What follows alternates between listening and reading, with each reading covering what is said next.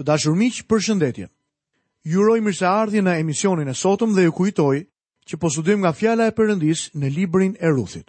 Studimin tonë sot do ta ndalim në kapitullin e 3 të Ruthit dhe vazhdojmë të studiojmë mbi çështjen e Naomit dhe të Ruthit. Gjëja e katërt që i thotë Naomi e vjehrra Ruthit është të shkojë në vendin ku shihet gruri dhe ta lërë Boazin ta njohë. sepse ajo do ta kërkojë si shpenguesin e të afërmit. Për këtë lexojmë nga vargu i katërt në kapitullin e tretë të librit të Ruthit. Kur të shkojë të shtrihet, kqyr vendin ku shtrihet. Pastaj shko aty, zbulo këmbët e tij dhe shtrihu dhe ti. Dhe ai do të të thotë atë që duhet të bësh. Miq, Ky është një hap shumë i rëndësishëm për mua dhe ty. Ky është një hap që duhet ta bëjë çdo mëkatar. Madje edhe në kishën e sotme ka shumë njerëz që janë bashkuar kishës, por ata në të vërtetë nuk e kanë pranuar kurrë Jezu Krishtin. Ata nuk kanë shkuar asnjëherë në vendin ku shihet gruri për ta kërkuar atë si shpenguesin e të afërmit. Do të doja t'ju pyesja, a i keni kërkuar Zotit Jezu Krisht që të jetë Shpëtimtari juaj? Miku im, ti duhet ta kërkosh Atë. Gjuha e Shkrimit na flet për besimin në Zotin Jezu Krisht. Ai duhet të jetë një besim aktiv, dhe jo një besim që qëndron në anë dhe tund kokën. Një besim aktiv e kërkon Atë si Shpenguesin e të afërmit. Ai është Shpëtimtari ynë. Romakët 6:23 na thotë: Dhurata e Perëndisë është jeta e përjetshme në Jezu Krishtin, Zotin tonë. Nën rregullat e sistemit të Moisiut, Ruthit i jepet e drejta për ta kërkuar Boazin si shpenguesin e të afërmit të saj.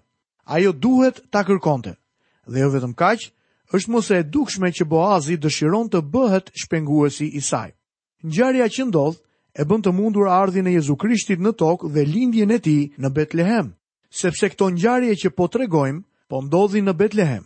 Kjo vajzë do t'i bindet vjehrrës së saj dhe ashtu siç do ta shohim më pas, nuk ka asgjë të gabuar në udhëzimet që i jep Naomi. Naomi i tha ta kërkonte. Shumë njerëz mund të thonë se besojnë në faktet lidhur me ardhjen e Krishtit në botë, por nuk e kanë pranuar ende si shpëtimtarin e tyre. Tani le të shohim atë që Naomi i tha Ruthit. Lexojmë nga vargu i 4 deri në vargun e 6. Kur të shkojë të shtrihet, këqyr vendin ku shtrihet. Pastaj shko aty, zbulo këmbët e tij dhe shtrihu edhe ti, dhe ai do të të thotë atë që duhet të bësh. Ruthi iu përgjigj. Do të bëj të gjitha ato që më the. Kështu zbriti në lëmë dhe bëri të gjitha ato që i kishte porositur e vjerra.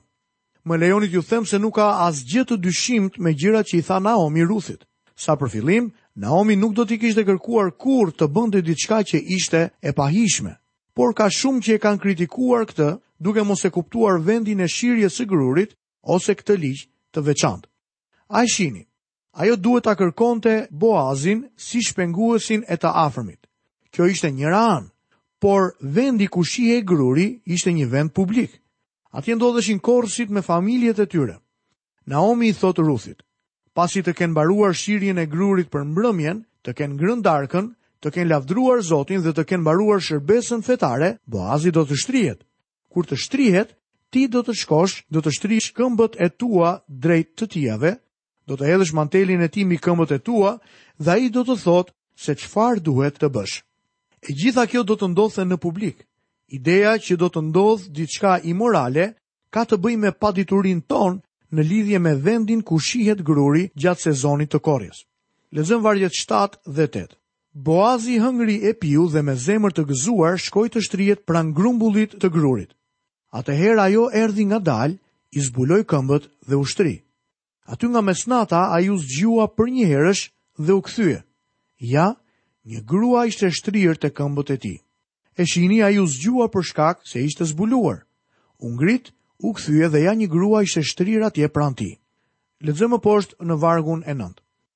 Kush je ti? i tha. Ajo u përgjigj, Jam Ruthi, shërbëtorja jote.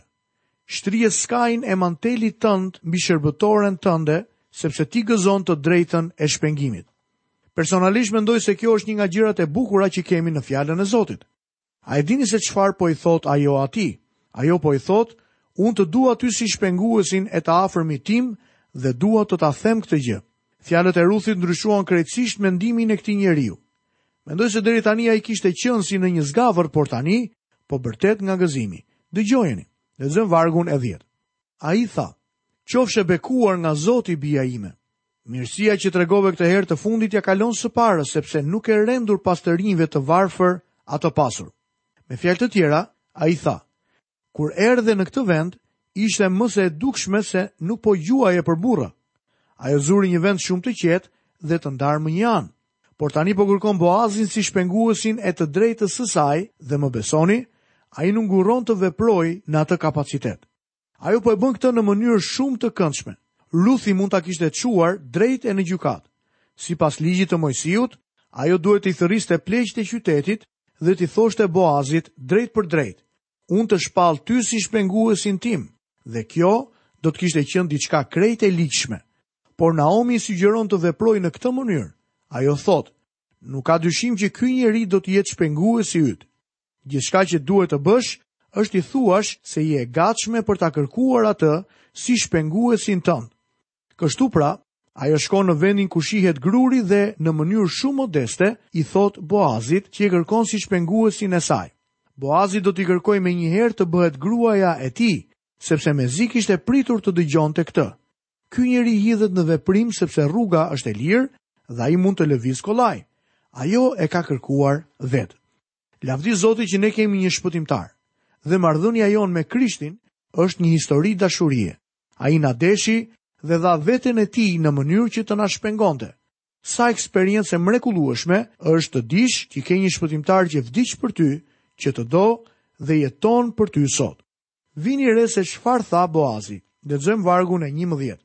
Prandaj tani mos ki frikë bija ime. Unë do të bëj për ty gjithçka që më kërkon. sepse të gjithë njerëzit e qytetit tim e dinë që ti je një grua e virtytshme. Do të doja të vinit re emrin e mirë të kësaj gruaje të huaj, e cila nën rrethana të zakonshme do të kishte qenë një e dëbuar në Betlehem. Ligji i Moisiut e izolonte një moabite, Asaj i kishin thënë se një Moabite dhe një Amonite nuk mund të hynte në bashkësi me Zotin. Por Ruthi u përgatit nga Naomi para se të vinin në Betlehem se nuk do të kishte asnjë mundësi martese për të. Dhe Ruthi e pranoi gjendjen e saj. Mendoj se thashethemexhinjtë e qytetit e kanë vëzhguar atë me kujdes në fillim. Nuk e di se çfarë mund të kenë thënë, por jam i sigurt që midis gjërave të tjera kanë thënë edhe si kjo. Kjo që ka ardhur me Naomin është me të vërtetë vajzë shumë e bukur. Me siguri do të përpiqet të marrë një nga djemtë tanë të rinj, por ajo nuk u përpoq aspak për një gjë të tillë. Në vend të kësaj, bëri një emër të mirë për vete në qytetin e Betlehemit. Boazi vazhdoi, lexojmë vargun e 12. Është e vërtetë që gëzoj të drejtën e shpengimit, por është një që është fis më i afërt se unë. Nga e dinte Boazi këtë? Ai kishte hetuar tashmë. E shihni që Boazi ishte gati për të lëvizur në momentin që Ruthi i dha dritën jeshile. Kjo ishte gjithçka për të cilën po priste. Fakti që ekzistonte një kushëri tjetër më i afërt se ai, i kishte lidhur disi duart. Ky kushëriri tjetër duhet të ishte më i pasur se Boazi. Supozoni sikur Boazi, gjatë gjashtë javëve të të korrave, t'i kishte thënë Ruthit. Ruth, dua të jem shpenguesi yt. Imagjinoni sikur Ruthi të ishte përgjigjur, Shumë faleminderit, por unë nuk dua. Do të kërkoj atë burrin tjetër kur të vijë koha e duhur. Ai është më i pasur, kështu që unë dua të kërkoj atë si shpenguesin tim. I gjori Boaz do të kishte qenë vërtet në një situatë të vështirë. Ai duhet të priste derisa ajo t'i jepte shenjën që donte. Në momentin që Ruthi ia jep atë shenjë, ai thotë, Problemi është se ekziston edhe një kushëri tjetër më i afërt se unë, dhe ai ka përparësi në këtë situatë. Me fjalë të tjera, duhet pyetur ai i pari. Mendoj se ky i afërm tjetër duhet të ishte një vëlla i Elimelekut, xhaxhai i burrit të parë të Ruthit, ndërkohë që Boazi ishte ndoshta një kushëri i burrit të saj të parë. Kështu që ai i thotë, unë dua të jem shpenguesi yt, por së pari duhet të shikojmë se çfarë mendon i afërmi tjetër i yti. Lexojmë vargun e 13. Kaloje këtu natën dhe nesër në mëngjes, në rast se ai do të kërkojë të drejtën e tij ndaj teje, mirë pra le ta bëjë, por në rast se nuk e kërkon të drejtën e tij mbi ty, Unë do të kërkoj që të vlejë e drejta ime dhe të të shpengoj ashtu siç është e vërtetë që Zoti rron, rri shtrirë deri në mëngjes. Me fjalë të tjera, Boazi nuk ishte i sigurt se çfarë do të bënte nëse kushëriri tjetër do të donte ta shpengonte atë. Por ai ka një plan me të cilin shpreson të eliminojë shpenguesin tjetër. Ai përsërit fjalën të drejtën. Në hebraisht kjo fjalë është goel, e drejta e shpengimit. Ai është personi që do të shpengojë pronësinë e Ruthit, sepse ajo do të trashëgojë atë çfarë burri i saj kishte pasur dhe ai ishte i vetmi që kishte atë të drejtë. Ai kishte përparësinë. Boazi i thotë Ruthit të qëndrojë gjatë gjithë natës. Ai nuk do që ajo të kthehet në Betlehem në errësirë. Kur lexuam për periudhën e gjyqtarëve, mësuam se njerëzit nuk udhëtonin në rrugët kryesore, për shkak se ato nuk ishin të sigurta. por ata ecnin përmes fushave. Kështu që Boazi po e mbron këtë vajzë. Lexojmë vargun e 14. Kështu ajo qëndroi shtrirë në këmbët e tij deri në mëngjes, por u ngrit përpara se një njeri të njohë tjetrin sepse ai i kishte thënë: Asnjë njeri nuk duhet ta dijë që kjo grua erdhi në lëmë. Arsyeja për këtë është më se e dukshme. Ai nuk donte që kushëriri tjetër ta njihte Ruthin sepse nëse ai do të kishte ndonjë ide për ta kërkuar atë si gruan e tij, kjo gjë do ta eliminonte menjëherë Boazin. Boazi do të merret vetë me këtë çështje dhe ai fillon të bëjë disa hapa përpara. Lexojmë më poshtë në vargun e pesëmbëdhjetë. Pastaj shtoi, Sill mantelin që ke veshur dhe mbaje. Ajo e mbajti dhe ai derdhi mbi të gjashtë masa elbi pastaj ia vuri mbi kurriz. Pas kësaj, ajo u kthye në qytet. Me fjalë të tjera, Boazi po i jep asaj një dhuratë bujare. Lexojmë më poshtë vargun e gjashtëmbëdhjetë. Kështu u kthye tek e vjehrra që i tha, Ti je bija ime? Atëherë ajo i tregoi të gjitha ato që ai burrë kishte bërë për të. Disa komentues të tjerë duket sikur e kanë keqinterpretuar pyetjen në këtë varg. Kur Naomi pyeti, "Ti je bija ime?" Ata thonë se meqenëse ishte dark kur ajo erdhi në derë, Naomi nuk ishte e sigurt se kush ishte. Të paktën, ajo e dinte që ishte bija e saj. Ajo dinte që ishte Ruthi. Ne duhet të kuptojmë kontekstin. Kur Naomi e dërgoi atë, mendoj se Ruthi nguroi për të shkuar. Mendoj se ajo i ka thënë, "O, nuk dua ta kërkoj atë. Ti më the se nëse do të vija këtu, askush nuk do të ishte i interesuar për mua. Unë jam një moabite, një e dëbuar. Nuk dua të shkoj dhe ta kërkoj Boazin." Naomi i tha, Shiko, unë e di që ai është i interesuar për ty dhe që ka rënë në dashuri me ty. E di që ai do të martohet me ty, prandaj bëj këtë që po të them. Mendoj se asaj i është dashur ta nxjerrë Ruthin jashtë shtëpisë. Kështu që kur Ruthi kthehet mëngjesin tjetër, Naomi thotë: "Ti je bija ime?" Më lejoni ta përshtas pak më shumë këtë shprehje. Ajo po i thotë, a je ti zonja Boaz apo jo? Me fjalë të tjera, kisha të drejtë apo jo? Dhe sigurisht që Naomi kishte të drejtë. Lexojmë vargjet 17 dhe 18. Dhe shtoi: më dha edhe këto gjashtë masa elbi sepse më tha, nuk duhet të kthehesh tek vjerra jote duarbosh. Naomi i tha, Qëndro këtu o bija ime, derisa të mësosh si ka për të mbaruar kjo çështje, sepse ai burrë nuk do të rrijë derisa ta ketë sistemuar sot çështjen. Ruthi mund të ulej në karrigen lëkundëse dhe të priste, që nga ky moment Boazi do të ishte njeriu në veprim. Ai do të kujdesej për këtë çështje. Ajo mund të rrinte e qetë. Puna e shpengimit do të ishte punë e tij. A nuk është e mrekullueshme të kesh një shpëtimtar tek i cili të prehesh dhe të dish që ai është shpenguesi yt? Ai është një dhuratë e mrekullueshme sot. Ai e ka kryer të gjithë punën e shpengimit. Unë dhe ti jemi të ftuar të hyjmë në prehjen e shpengimit, sepse çdo gjë ka mbaruar. Besoj se e mbani mend se në lutjen e tij priftërore, Jezusi tha, Unë e kam kryer veprën që më ke dhënë të bëj. Ajo vepër ishte shpengimi në kryq, kur ai u var në kryq. Jezusi tha, U krye. Kur thirri u krye, shpengimi im dhe i yti përfundoi. Ai pagoi dënimin për mëkatin tim dhe tëndin, kështu që ti nuk ke më se çfarë t'i shtosh shpëtimit tënd. Jezusi bëri gjithçka për ty. Puna e shpengimit është e tija. dhe ne mund të hyjmë në veprën shpenguese dhe të përsosur të Tij. Në zemrën e çdo personi që i beson Krishtit do të vijë një paqe e mrekullueshme duke e ditur që Ai përmbushi gjithçka. Në të vërtetë, Perëndia nuk ka nevojë për përpjekjet tona të vogla. Perëndia nuk merr asgjë nga ne si shkëmbim të shpëtimit tonë. Së pari unë dhe ti nuk kemi asgjë për të ofruar. Unë dhe ti jemi njerëz të falimentuar. Ne duhet të shkojmë tek Jezusi për të marrë prej tij çdo gjë.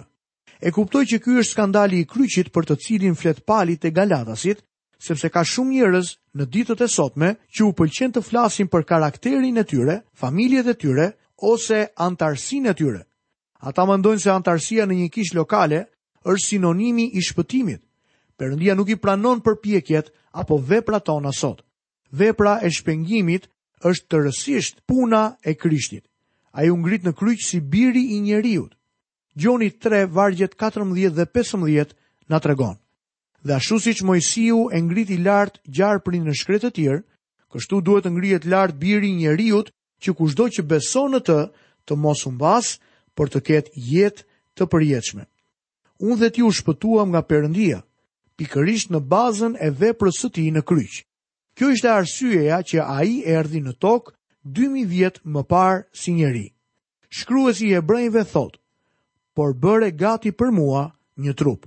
Perëndia nuk do sakrifica dhe oferta. Të gjitha sakrificat e kafshëve në Testamentin e Vjetër i referohen ardhjes së Krishtit.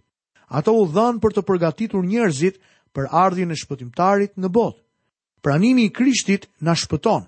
Ai është Zoti dhe Shpëtimtari. Në fakt, edhe besimi ynë nuk na shpëton dot. Krishti është ai që na shpëton. Spurgeon një herë ka thënë: Nuk është mbështetja juaj te Krishti që ju shpëton, por Krishti vetë. Nuk është gëzimi në Krishtin që ju shpëton, por Krishti vetë. Madje as besimi në Krishtin nuk ju shpëton, edhe pse ai mund të jetë një mjet. Është gjaku i Krishtit dhe merita e tij. E shihni, besimi vetëm sa na aftëson për të kapur shpëtimin që bleu Krishti për ne. Në ditët e sotme ju i besoni atij ose jo. Nuk ka rrugë të mesme. Ju pushoni, preheni në të ose përpiqeni të fitoni shpëtimin tuaj. Kështu kapitulli i tretë i Ruthit mbyllet me fjalët e Naomit. Ai burrë nuk do të rrijë derisa ta ketë sistemuar sot çështjen. Ajo po i thotë Ruthit. Rri e qetë bija ime, nuk ke çfarë të bësh. Shpallja e tij si shpenguesi yt ishte gjithçka që duhet të bëje. Vepra e shpengimit i përket atij. Të dashur miq jam kaq mirënjohës Perëndisë që edhe duke parë shkrimin e Testamentit të Vjetër mund të shohim Krishtin në çdo libër të Biblës. Lutem që Perëndia të derdhë pasurisht bekimin e tij mbi jetën tuaj dhe nga vëllai juaj në Krishtin Akil Pano, bashkë mirë u dëgjofshim në emisionin e ardhshëm.